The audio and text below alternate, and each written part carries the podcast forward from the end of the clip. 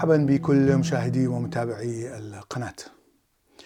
تأتيني ملاحظات بين الآونة والأخرى عن فكرة اللا أدرية وخاصة عندما أتكلم بأسلوب الطريقة العلمية والطريقة التجريبية لاكتساب المعرفة. والسؤال هو عندما نتكلم بإطار الطريقة العلمية إذا نتكلم عن شيء لا نعرفه دائما نقول أن العلم لا يعرف لكن من جهة أخرى أنا أقول بأنني ملحد بمعنى أنني لا أعترف بوجود آه، إله أو مسبب أولي للكون. فكلامي قد يبدو متناقض. والفكرة عندما أقول أنني ملحد فأنني أتكلم من منطق فلسفي أكثر منه إلى المنطق العلمي التجريبي. لأنني إذا كنت أتكلم بشكل الطريقة آه، العلمية فإن فعليا لا يمكن التأكد من عدم وجود شيء أو لا يمكن إثبات عدم وجود شيء خاصة إذا لم تكن تعرف ما هو هذا الشيء. فنعود إلى فكرة اللا أدرية اللا أدرية هي معنى آه، بالإنجليزي agnostic بمعنى أنني لا أستطيع أن أكون رأي قاطع بأنني أقتنع بجواب شافي آه، لسؤال معين أو لا أقتنع. بمعنى أنني لا أعرف الجواب ومن الصعب معرفة هذا الجواب بالأفكار الموجودة الآن.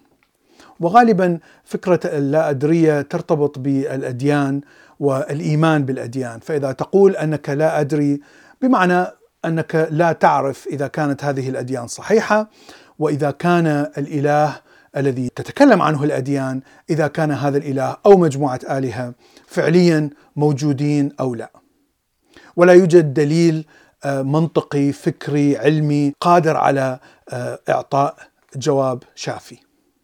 أنا عندما كنت في مرحلة الشك آه، قبل ثلاثين سنة مريت بهذه المرحلة.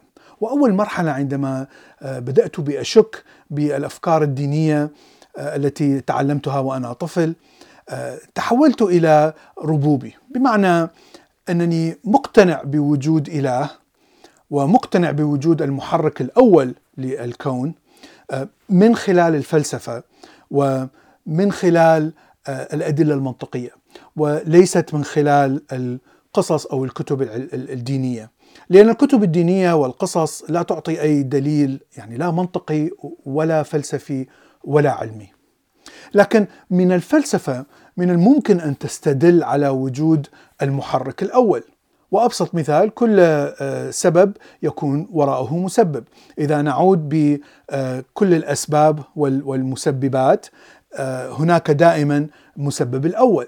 وهنا آه، نقف في نقطة معينة أن المسبب الأول لا يوجد له سبب أو لا يوجد له مسبب. فاذا المسبب الأول هو الذي سبب نفسه. هذا هو التفكير الفلسفي، بمعنى أن الإله أو الآلهة خلقوا أو خلق نفسه بنفسه ومن ثم بدأ بخلق آه، كل باقي الكون. الآن بعد فترة عندما بدأت أقرأ الفلسفة العدمية والفلسفة المادية التي لا تعترف بوجود الإله أو المسبب الأول أو عندما قرأت الفلسفة المناقضة لفكرة المسبب الأول آه، أصبح عندي آه، شك أكثر أو عدم اقتناع أكثر لهذه الفكرة وهنا دخلت في مرحلة اللا أدرية لأنه فعليا ممكن أن تقول أن الكون يمتد إلى ما لا نهاية في الماضي. آه، قلت أن المسبب الأول هو آه، خلق نفسه ممكن أن تقول أن الكون هو خلق نفسه أو ممكن أن تكون هناك طاقة آه، كونت هذا الكون وهذه الطاقة ليس لها أي وعي بمعنى أنها ليست آلهة وإنما شيء فيزيائي هو الذي أسس الكون. من هذه المنظور أو من هذه الفكرة يعني لا يوجد داعي لوجود الإله. وهنا تأتي أفكار من علماء فيزياء مثل ستيفن هوكنز وبنروز أن الكون آه، يكون في حلقة آه، مفرغة من التكوين أو الخلق والدمار أو النهاية ويعود ليتكون مرة أخرى وهكذا. فإذا لا يوجد هناك بداية ولا يوجد هناك نهاية وإذا كان هناك بداية فإذا هناك نهاية قبلها.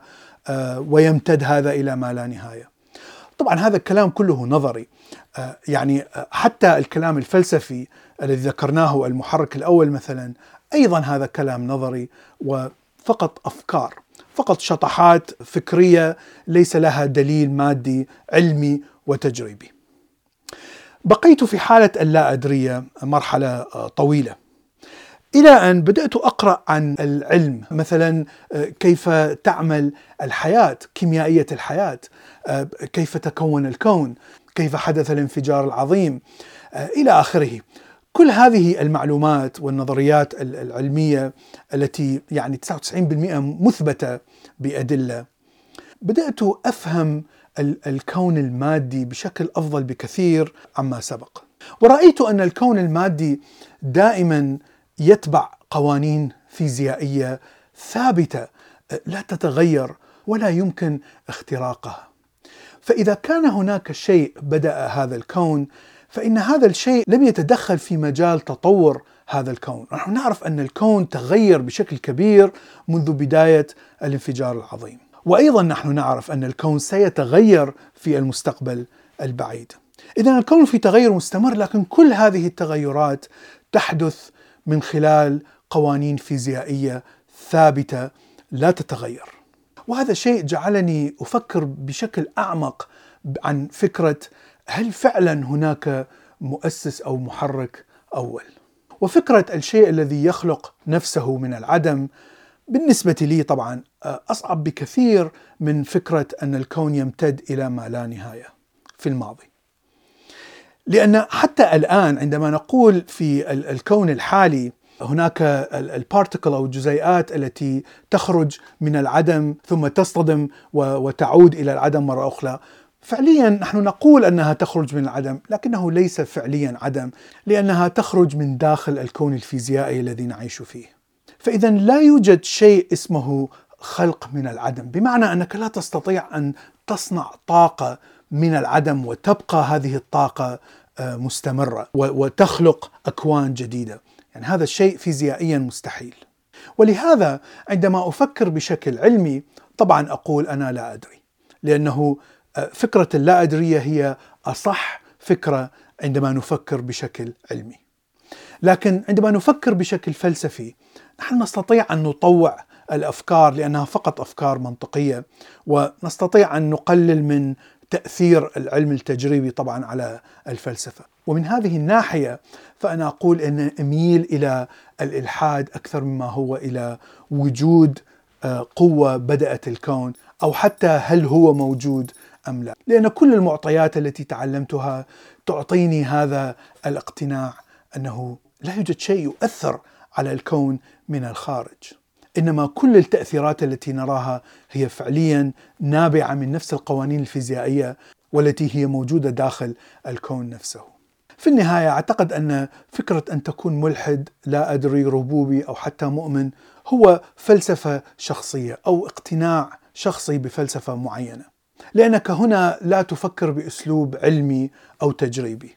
وهذا شيء يعني ليس خطأ لأنه كما نعرف العلم لا يستطيع أن يجيب على كل الأسئلة، ومن جهة أخرى إذا كان هناك أجوبة معينة من الفلسفة حتى وإن كانت آه، استحالة إثباتها قد يمكن أن نقتنع بهذه الأفكار، طبعا إذا لم تكن تتعارض مع الأفكار العلمية. هذا ما أردت أن أقوله اليوم، شكرا لكم وإلى اللقاء في حلقة أخرى.